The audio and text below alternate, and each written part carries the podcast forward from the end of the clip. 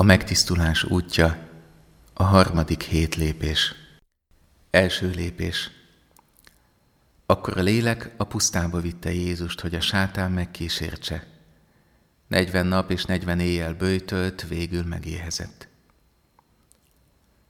A bűnös ember úgy érzi, hogy a bűneiért vezekelnie is kell, szenvednie is kell.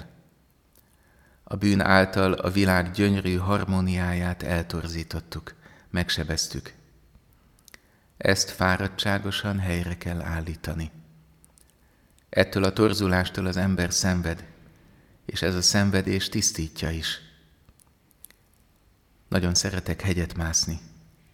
Különösen kedves számomra a Retyezát hegység, a déli Kárpátokban. Amikor a hegyen felfelé tartok, az az érzés tölt el, hogy amit Isten alkotott, az mind tökéletes, hibátlan. A felhők, a hegyek, a fák, a patakok, mind kristálytiszták, tökéletesek. A világ szépsége olyan, mint egy gyönyörű szimfónia. Csak akkor rezzen össze az ember a hegyre felfelé menet, ha turisták jönnek. Bőgetik a magnót, cigarettáznak, szemetelnek. Mintha az egyetlen hamis hang ebben a tökéletes harmóniában az ember lenne, a maga zűrzavarával, a szeméttel és zajjal teli városaival. Az arándok út arra hív, hogy visszailleszkedj Isten tökéletes rendjébe, szépségébe, harmóniájába. És ez sokszor fájdalmas, nehéz folyamat.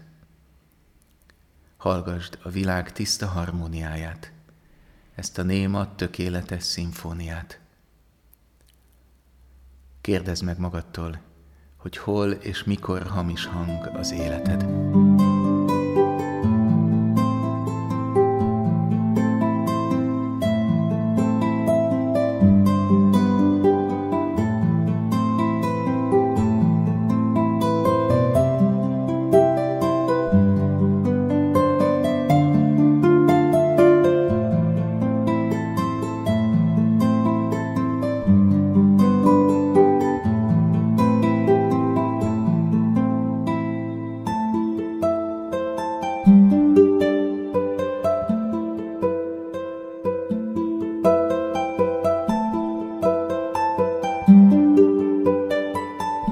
A megtisztulás útja, a harmadik hét lépés. Második lépés. Genovai Szent Katalin a megtisztulás nagy misztikus szentje. Egy rendkívül nehéz házasságban élt. A férje a korbeli életrajzok szerint erőszakos és gonosz ember volt, aki megcsalta, bántalmazta a feleségét, eltékozolta a család vagyonát. Katalin annyira szenvedett, hogy sokan a korábbi ismerősei közül meg sem ismerték az utcán. Próbált a férjéhez alkalmazkodni, mulatságokra járni vele, de ez teljesen idegen volt az egyéniségétől. 26 évesen a halálát kívánta. Ekkor érte az élete nagy kegyelme. Szent Benedek ünnepén a nővére biztatására elment gyónni. Alig kezdte el a gyónását. A kegyelem hatalmas özönét érezte maga felé áradni. Sírva fakadt. Aztán elnézést kért a paptól, és hazafutott. Minden ékszerét ledobta magáról, és azt kiáltotta, hogy ezután soha nem fogja azt mondani, enyém, vagy akarom. Ezután egy nagy megtisztulás következett az életében – Sokat bőjtölt és imádkozott.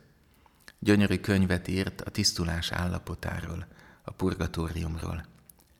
Ennek a könyvnek a visszatérő mondata ez, a paradicsom kapuja nyitva áll. A tisztulás állapotában levő emberből Isten tisztasága, szépsége, jósága kiégeti mindazt, ami tőle idegen. Fájdalmas ez az út, de minden lépésével Isten végtelen szeretetének lángoló tűzhelyéhez lép közelebb a tisztuló ember. Katalin ezután elkezdte nem csak elviselni, hanem megpróbálta szeretni is a férjét, már ami benne szerethető volt. A férfi lassan átalakult. 34 év házasság után a férj Istennel és az emberekkel megbékélten halt meg. Ez az út a megtisztulás útja is a számodra. Minden lépés Isten lángoló tüzéhez visz közelebb. Minden szenvedés a tisztulás eszköze lehet. Tudsz-e örömmel tekinteni az életed útjának végső távlata felé akkor is, ha éppen nehéz az útszakasz, amin végig kell menni? Tudod-e látni Katalinnal együtt az út végén a paradicsom kitárt ajtaját?